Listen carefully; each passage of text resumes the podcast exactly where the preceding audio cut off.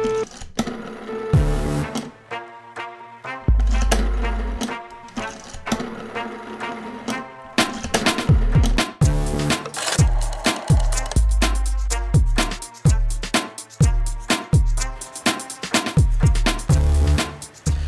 Dobar dan, evo nas opet zajedno. Vaša pitanja polako pristižu. Ja se nadam da će odgovori pristizati onoliko brzo koliko stižu i vaša pitanja. A da samo podsjetim na početku i ove emisije način na koji možete postaviti vaše pitanje, izneti vaš problem. Viber broj 069 893 0023.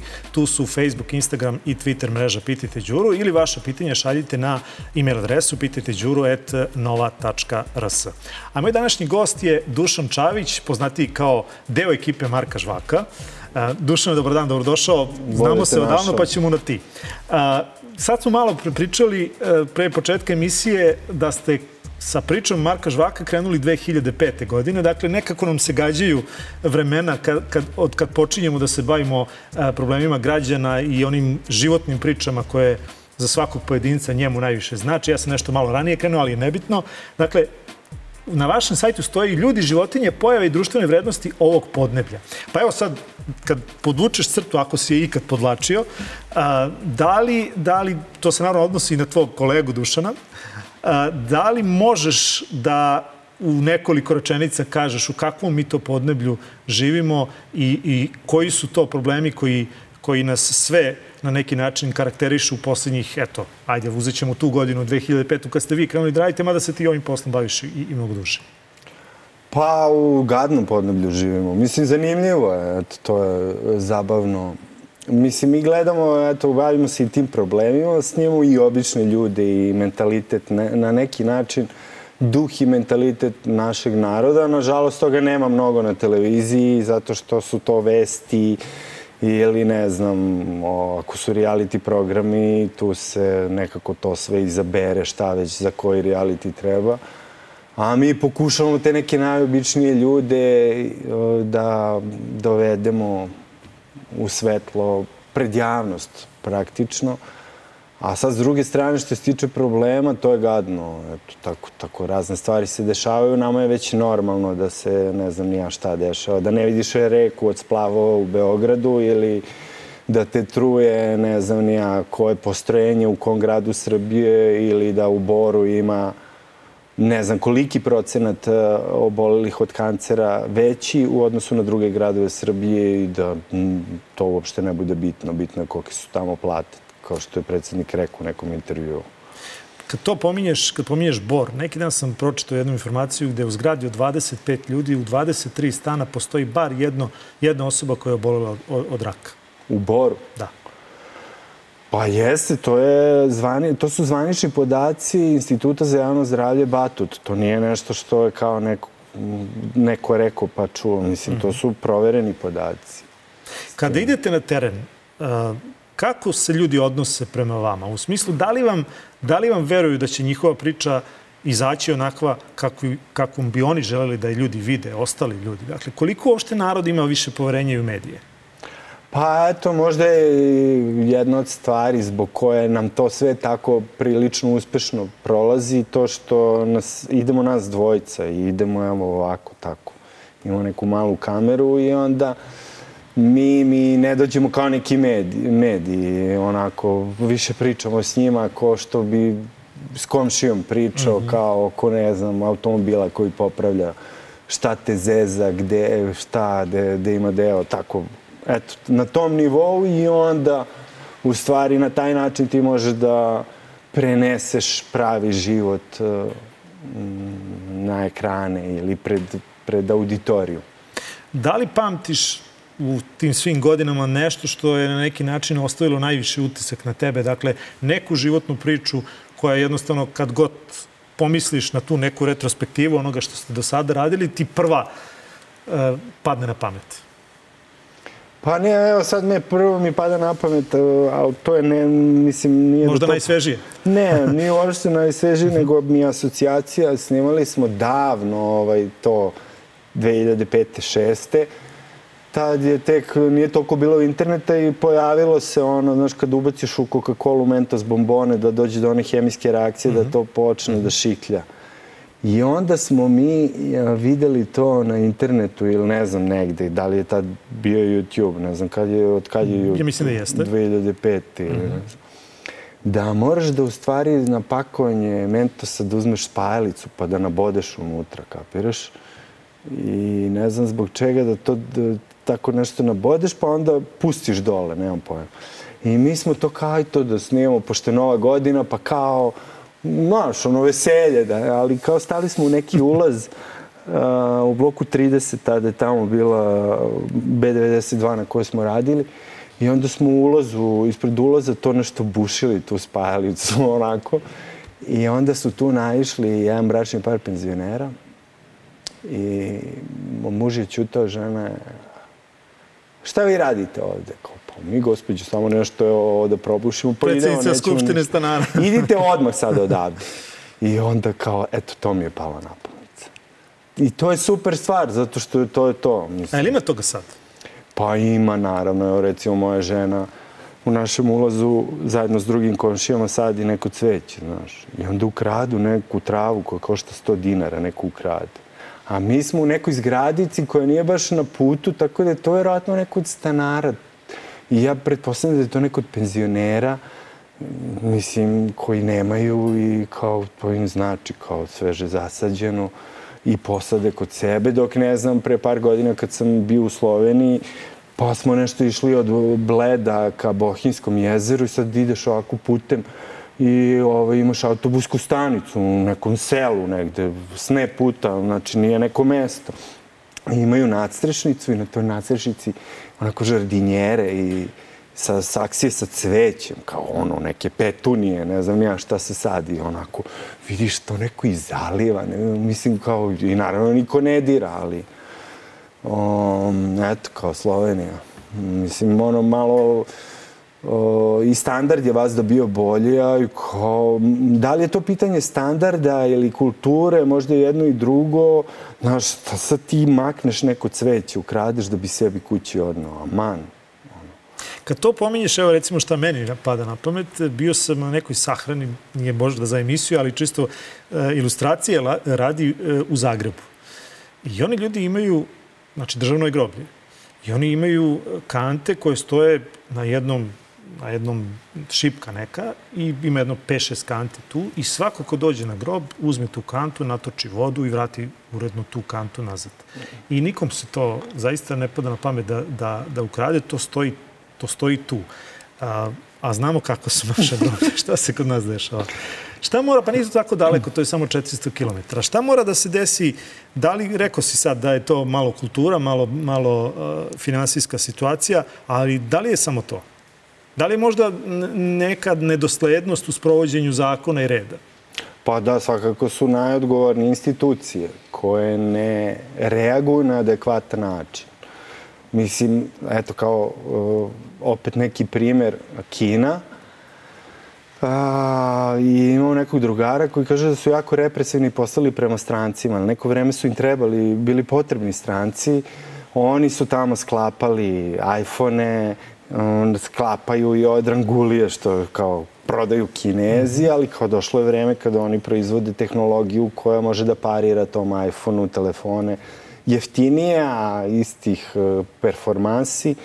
I kaže, ovaj, ne trebaju mi više kinezi i onda sad neki drugar, e, ne, u stvari roditelj devojčice koji idu s mojim sinom u razred radi sa kinezima, sarađuju, ja ga pitam, to kaže da, istina. I onda kaže između ostalog šta se u Kini dešava, kao da je ovaj Xi Jinping, uh, da je korupcija smanjena za 90%. Da funkcioneri ne smeju u restorane koji ih prijavi odmah pedala. Nema, u stvari učinjuje sve, nema više ko putuje napolje, kupuje stanove. Uh, on je napravio takvo okruženje da se taj novac troši kod njih I kaže, evo ti scena, mi jedno večer u Pekingu i u nekom restoranu vraćamo se kući, imaju autoput s pet traka u gradu, nešto. I kaže, to je zakrčenje odjednom i policija se, ti čekaš tu, sužava na jednu traku, svako radi alkotest. A ako si pio alkohol, 15 dana zatvor. I to je to. Mislim, nebitno da će da bude 15 dana zatvor ili ne, ali, a, ali da bude koja god kazna bi trebalo da bude za učinjeno delo, korupciju ili šta ti ja znam, samo da do toga dođe. A u našoj zemlji znamo, ako te zustavi policajac, ti verovatno s 1000, 2000 dinara možeš da e, središ ako želiš da učestvuješ u lancu korupcije i da razgrađuješ taj sistem, razrađuješ, a to je sistem u kom živimo od uvek, ono, sve je rešio. Pomenuo si malo pre Bor. Bili ste i u Valjevu, tamo ste radili priču o, o kotlarnici u Valjevu.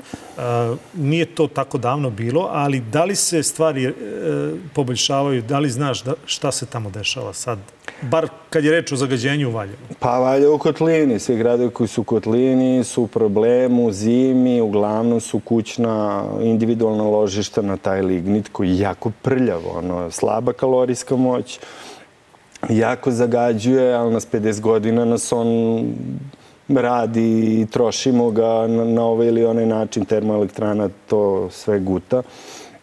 I pored toga što ima dosta individualnih ložišta, tamo Krušikova fabrika namenske proizvodnje, kako se to već kaže, oružja, onih raketa, oni imaju kotlarnicu staru 100 godina. I ima projekat kao da se ta kotlarnica prebaci na gas, sad je to malo jeli, problematično ili ne znam na, na šta, na mazut je sad trenutno i u stvari nije na mazut nego je upravo na lignit i 80 tona lig, uh, lignita dnevno samo guta kotlarnica Valjeva.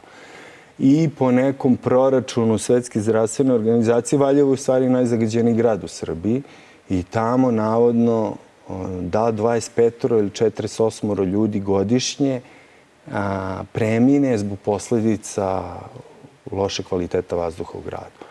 I negde oni smatraju da je 20-25% tako otlernica sama za sebe da bi toliko spasili. Sad oni, tamo neka grupa aktivista i revolucija se zovu, oni agituju da oni pređu na, da se skinu s tog lignita. I kao bio je projekat, i, ima projekat, koji je star, ne znam, 7, 8, 9 godina i ne znam, opet ne mogu non stop neke cifre, tako da se ja možda frljam s ciframa, a recimo da je bio projekat suštine, jasno. 3 miliona evra, a da je sad 11. Mm -hmm. Znači za par godina i to je ta jeli ugradnja o kojoj svi sve znamo, ono, to jest čujemo svaki put da se fore, da ko se koliko za šta ugradi i mislim da mora to da stane. Ovaj... A da li će stati u situaciju u Smederevu? Dakle, vrlo slična situacija i, i mi smo radili te priče, do duše ne tako opširno kao vi, prosto format je drugačiji, ali i tamo smo viđali naranđastu prašinu na automobilima da. koja je debela kao čitav prst možda i, i deblja i to je isto situacija koja se na neki način pravda time, pa imaju plate, Da, pa, pa imaju to... čime da se leče. Prilike, na to se svodi. Da, da, to je predsednik Vučić i rekao. Odnosno, Aleksandar Vučić je rekao da je u Boru plata 90-100 hiljada prosečna, možda je sad i više. I stvarno mi, kad pitamo mlade, kažu, brate, super je, ali je kao u, u Boru i Zaječaru jeftinije nego ovde u Beogradu. I tih 100 hiljada tamo je ko ovde, ne znam, 150 hiljada. Mi kao zagađenje, ma, stalno je bilo zagađenje. I ti imaš taj efekt, ali kao umiru ljudi, aman. A u Smederevu bukvalno ovako drvo, kora drveta, ti prstom i ostane crvena ta prašina koja je masna. Znači, to nije samo prašina, tu ima ne znam kakvih sve e, elemenata hemijskih, to je masno. Oni ljudi svi kažu najbolje mi je bipovo sirće. Znači, svi troše sirće da bi mogli da peru kola od te prašine. Znači, to je ono ma, suše veš, veš u plasteniku, na plasteniku je crveno, znači to je sve Srbija, to selo Radinac, Radinac odmah pored, uh, pored uh, te železare. I oni, mislim, to je problem, daj raselite ljude, ako treba ta železara da postoji, nek ima filtere koje moraju kao država da ih raseli, da se to plati nekako, mislim. Spuštali ste se i na Dunav kod Vinče. Mm. Uh, I tamo je bila, ne znam sad više koja je boja, bila to što utiče u, da. u, u, u Dunav. Šta se sa time dešava? Dakle, šta se događa zato što smo imali obećanje da će to biti jedna od naj, jedna od najboljih postrojenja za, za smeće koje postoji u, u Evropi. Je li se situacija imalo promenila tamo? Šta ćemo sa starom deponijom? Ja ne znam šta, da on, oni hoće, pošto je to spalionica, da sve to spale što postoje. Uglavnom, ta deponija se cedi, znači u našem džubretu ima i, ne znam, paradajz, pa on ima neku vodicu, pa ovo, pa ono. I mi smo snimali taj potok koji ide iz podnožja, u stvari, deponije do Dunava. Mm. Uliva se u Dunav.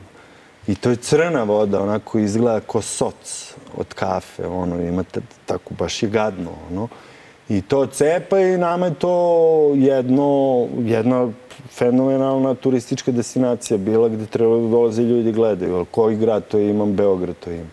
I onda pre ulivanja Dunav to se razliva po nekom polju gde onako ko sa Marsa, ona zemlja siva, a, tad je bilo to sve, onako nije bilo tečnosti, ali trulo drveće, znači apokalipsa. Kad vi radite te emisije, da li, da li o tome obaveštavate nadležne? Ili se zaustavljate na, na, na priči onakvom kakva ona jeste? Pa redko obaveštavam. Sada smo obavestili, na primjer, pratimo nešto, to snijamo, sad će nam izaći uskoro emisija o bahatim investitorima, gde smo snimali o gradonačelniku koji gradi nelegalno i ono, šta radi čoveku ko, koji živi prvom komši, to treba videti. Znači, zlo je naopako. A na terazijama se dešava da se diže, izvode radovi na tuđoj parceli. Znači, kao kad bi kod tebe došao ja na zemlju i na tvojoj parceli, na tvojom privatnom vlasništvu digu svoju kuću, ti se žaleš inspekciji, postupak traje tri Gde godine. Gde na terazijama? Na terazijama iza hotela Balkan, znači zgra, terazije 16 recimo, Dobro. zgrada koja se naslanja na hotel Balkan, u pitanju to je njihovo zadnje dvorište. Aha, to je dvorišna zgrada pa se i ne vidi zato i možda da, i nemamo pojma o tome. to je Čapio, taj novi vlasnik hotel Balkana i recimo tad smo se obratili, tražili smo intervju, podneli čak podnesak, Mislim, i ništa ne odgovaraju, ali u suštini im se ne obraćamo. Kao Šapiću se nismo ni obratili. Što, mislim, suviše očigledno kad, znaš, ti vidiš kako se neko nekom userava u život, šta imaš da sad čuješ tu drugu stranu? Mislim, naravno da treba čuti obe strane, ali u ovako nekim jasnim kod dan stvarima gde sve jedan kroz jedan, mislim, ne treba im davati prostor. Pominješ gradonačelnika, e, znam da si aktivan u priči oko Savskog nasipa. Je li se išta ispunilo od onoga što je gradonačelnik, mislim, u uvodnoj svoje reči, kad je postao gradonačelnik, rekao da će, čini mi se da je upotrebio glagol razbucati. Ako se Nije se ništa ispunilo, ništa mu ne verujem. Sada upravo naše udruženje za naš KEJ analizira Znači, prošle godine je doneta odluka o splavovima, o plutićim objektima i splavovima u Beogradu i sad se dolazi do izmene te odluke, to znači Šapić je menja I u stvari on je zamuljao da se ne zna koji je koji objekat. U stvari to što se menja samo daje još prostora za mešetarenje. Znači kao, ti bi trebalo da imaš uh, na, ke, na konkretno našem savskom keju blokovima uh, jedan gradski turistički ponton gde će čamci, da imaš ugostiteljskih splavova toliko, da imaš ovo, da imaš... I tačno mi se zna broj i znaju se kote. E sad, otprilike, kolege koje to češljaju su to dokumentacija, grafikoni, stacionaže, šta Mislim, samo je napravljeno ludilo da bi moglo da se mešetaju. Živiš u beogradskim blokovima, na Novom Beogradu.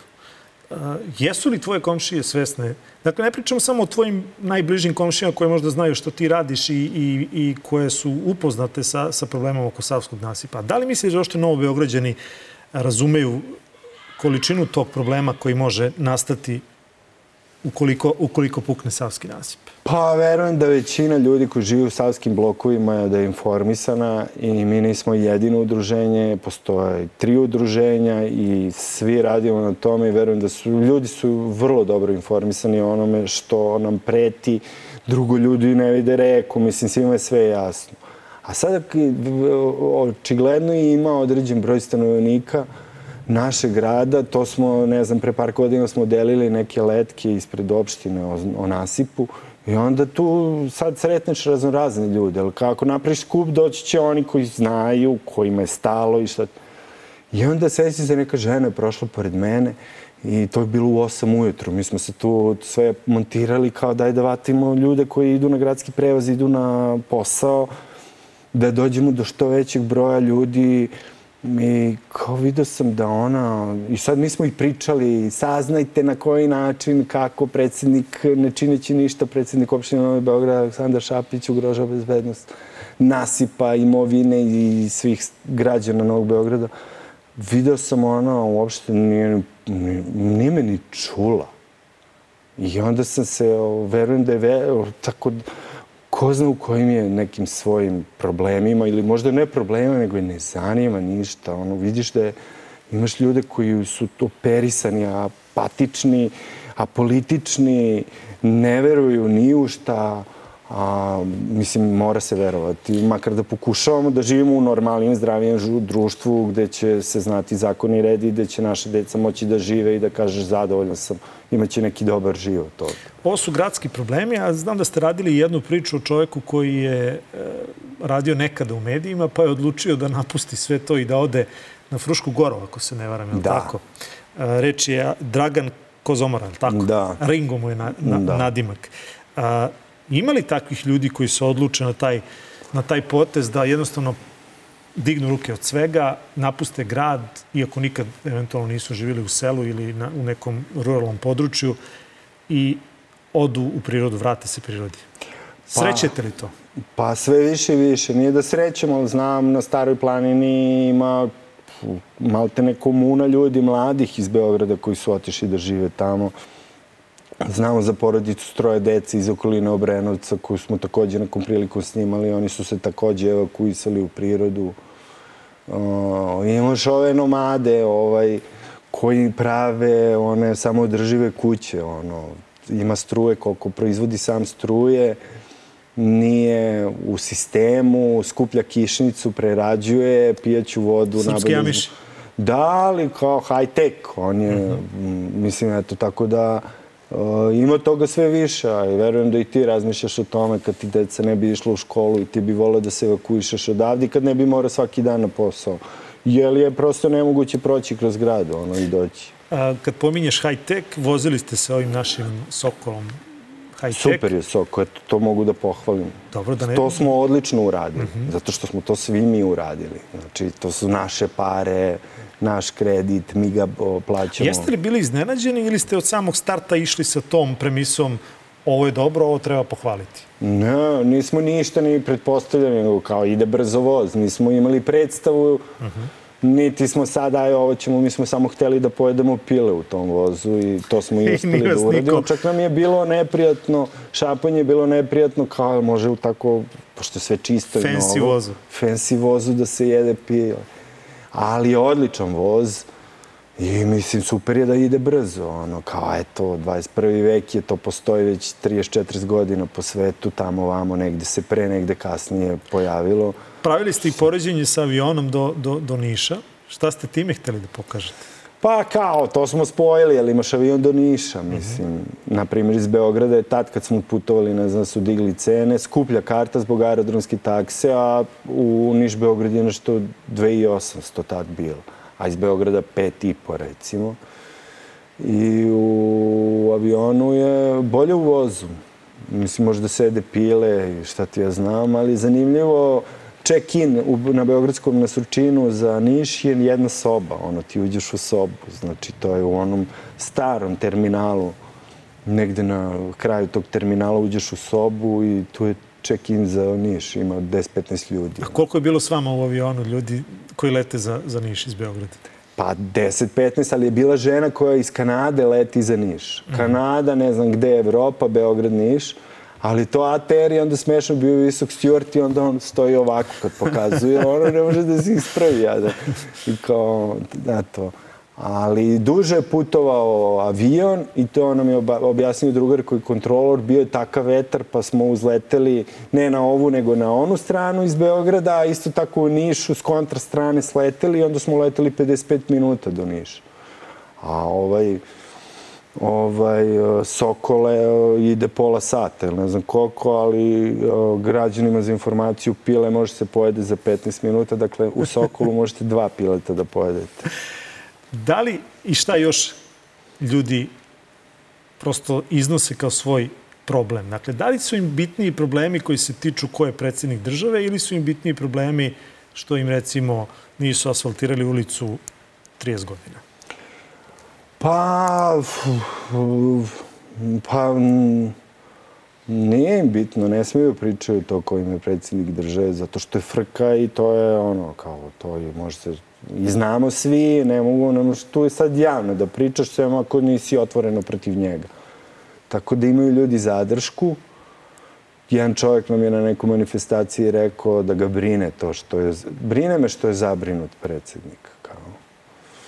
I ovaj, imam tamo u kraju neki iz SNS-a pa mi kaže žena, ja je nešto zezo, kao, ali kao okej okay smo. A ona mi kaže, mnogo radi.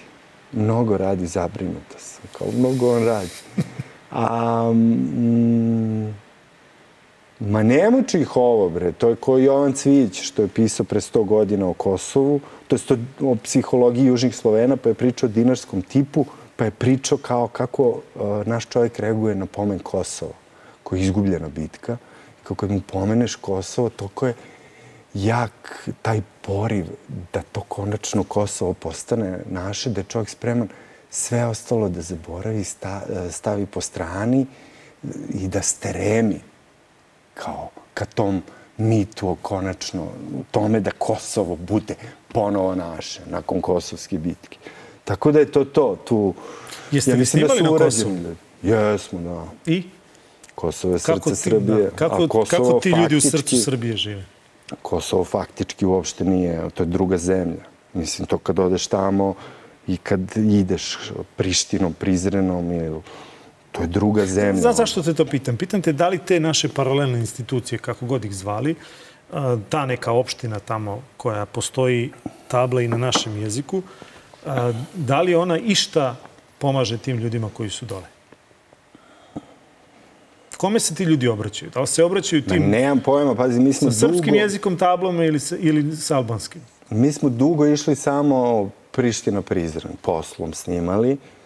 I ima u Prištini, na primjer, mi u sred Prištine BG table, ja imate parking? Nemamo parking, ali evo kaže gazda hotela, ali ja ti garantujem neće ništa da bude, ništa nam nije bilo. Znači, dugo smo išli, po tom takozvanom južnom Kosovu, sad kako ga zovu, albanskom. I onda smo prvi put došli na severno Kosovo i to smo ulazili od Prištine. I onda nam objašnjava čovjek, kaže, pređete most, e, desno je hipermarket i vi ste u Severnoj Mitrovici, kao nije to onaj most gde su frke. I mi prelazimo stvarno u supermarket, pređemo most, odjednom albanske zastave, Adem Jašari, nešto, trt mrt, mi prođemo neki kružni tok, tu je ogromna barikada na, na drumu, ono, zemljana i tu vidimo ono može oko da se... I čim smo prošli, eto ti srpske zastave, cap, levo, desno, nigde niko nema registracije na kolima, mi imamo BG, odmah nas zaustavlja koji smo, šta smo, ono, znači ovi koji nemaju... I ništa, evo, to je bilo predno 6-7 godina možda. Znači, plastični primer, uh, na Severnom Kosovu nema PDV-a. Ako je smoki ovde 50 dinara, na Severnom Kosovu 40 dinara. A svi Srbi idu, ili su tada išli u neki hipermarket na južnoj strani gde je 35 dinara. Znači, to ti svi dobijaju duple plate. Onda tad je bio ovaj Marko Đurić, ambasador je napravio neki most mira na tom mostu na Mitrovici. Imaš dve trake ovako saobraćajne i on je, prvo je pred mostom ulica skroz onako s bagerima kad je izlomljen asfalt da ne može, može samo tank da prođe i onda imaš te saobraćajne trake i do polovine mosta su oni nasuli zemlju, napravili park sa tujama i sve. I kao to je most mira, znači ne mogu kola da prelaze, a ljudi idu non stop poslom gore dole.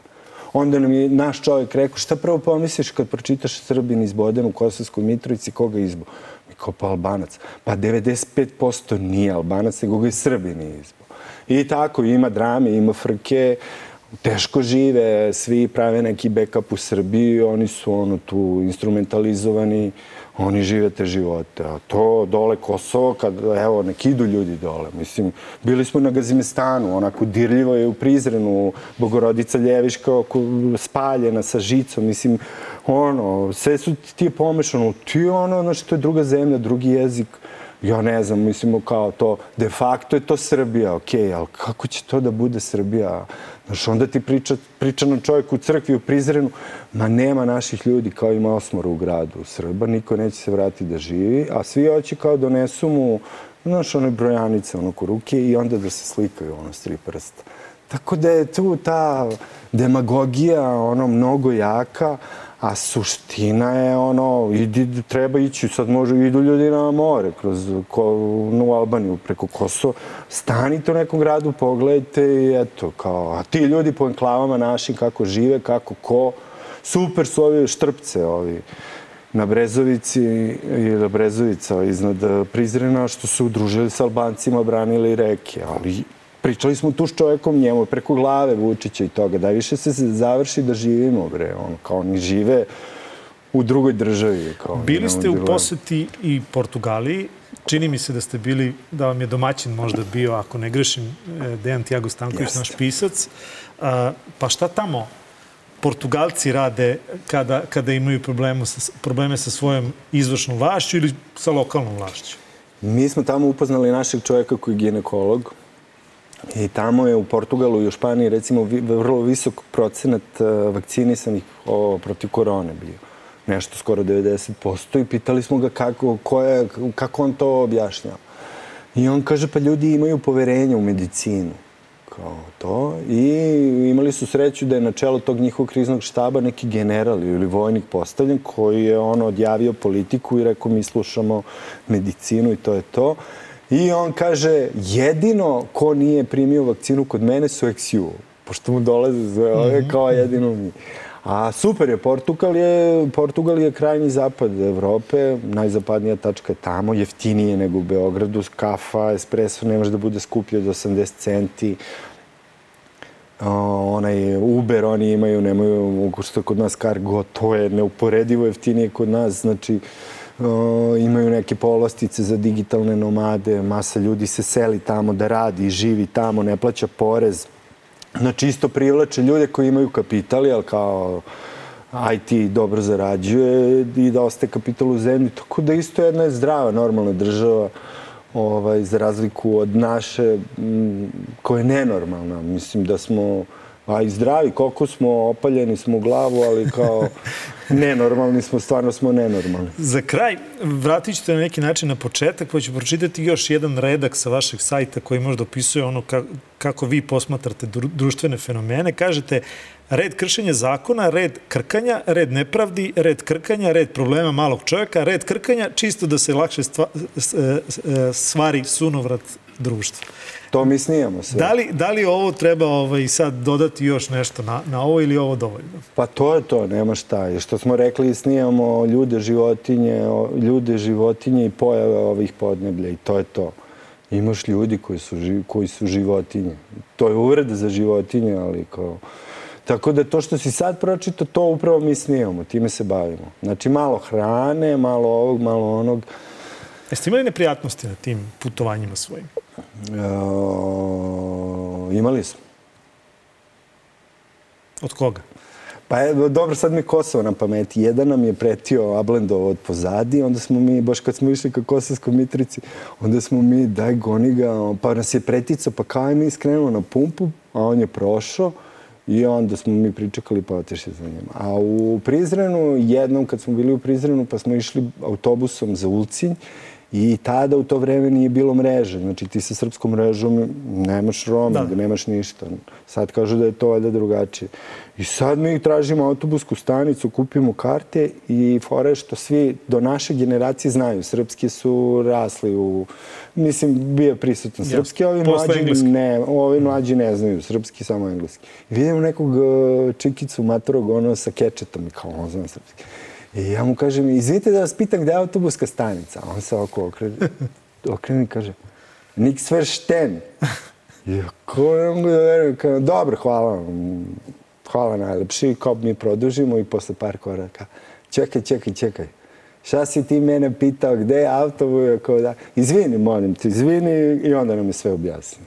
Mislim, to je neprijatnost, ali njemu na bum je bilo da nas odjavi. A sem tih uh, međuetničkih, ajde tako da ih nazovem, jeste li imali nekih drugih neprijatnosti na terenu? Dakle, kako ljudi, da li, uh, s obzirom da otkrivate te stvari koje nisu baš prijatne mm.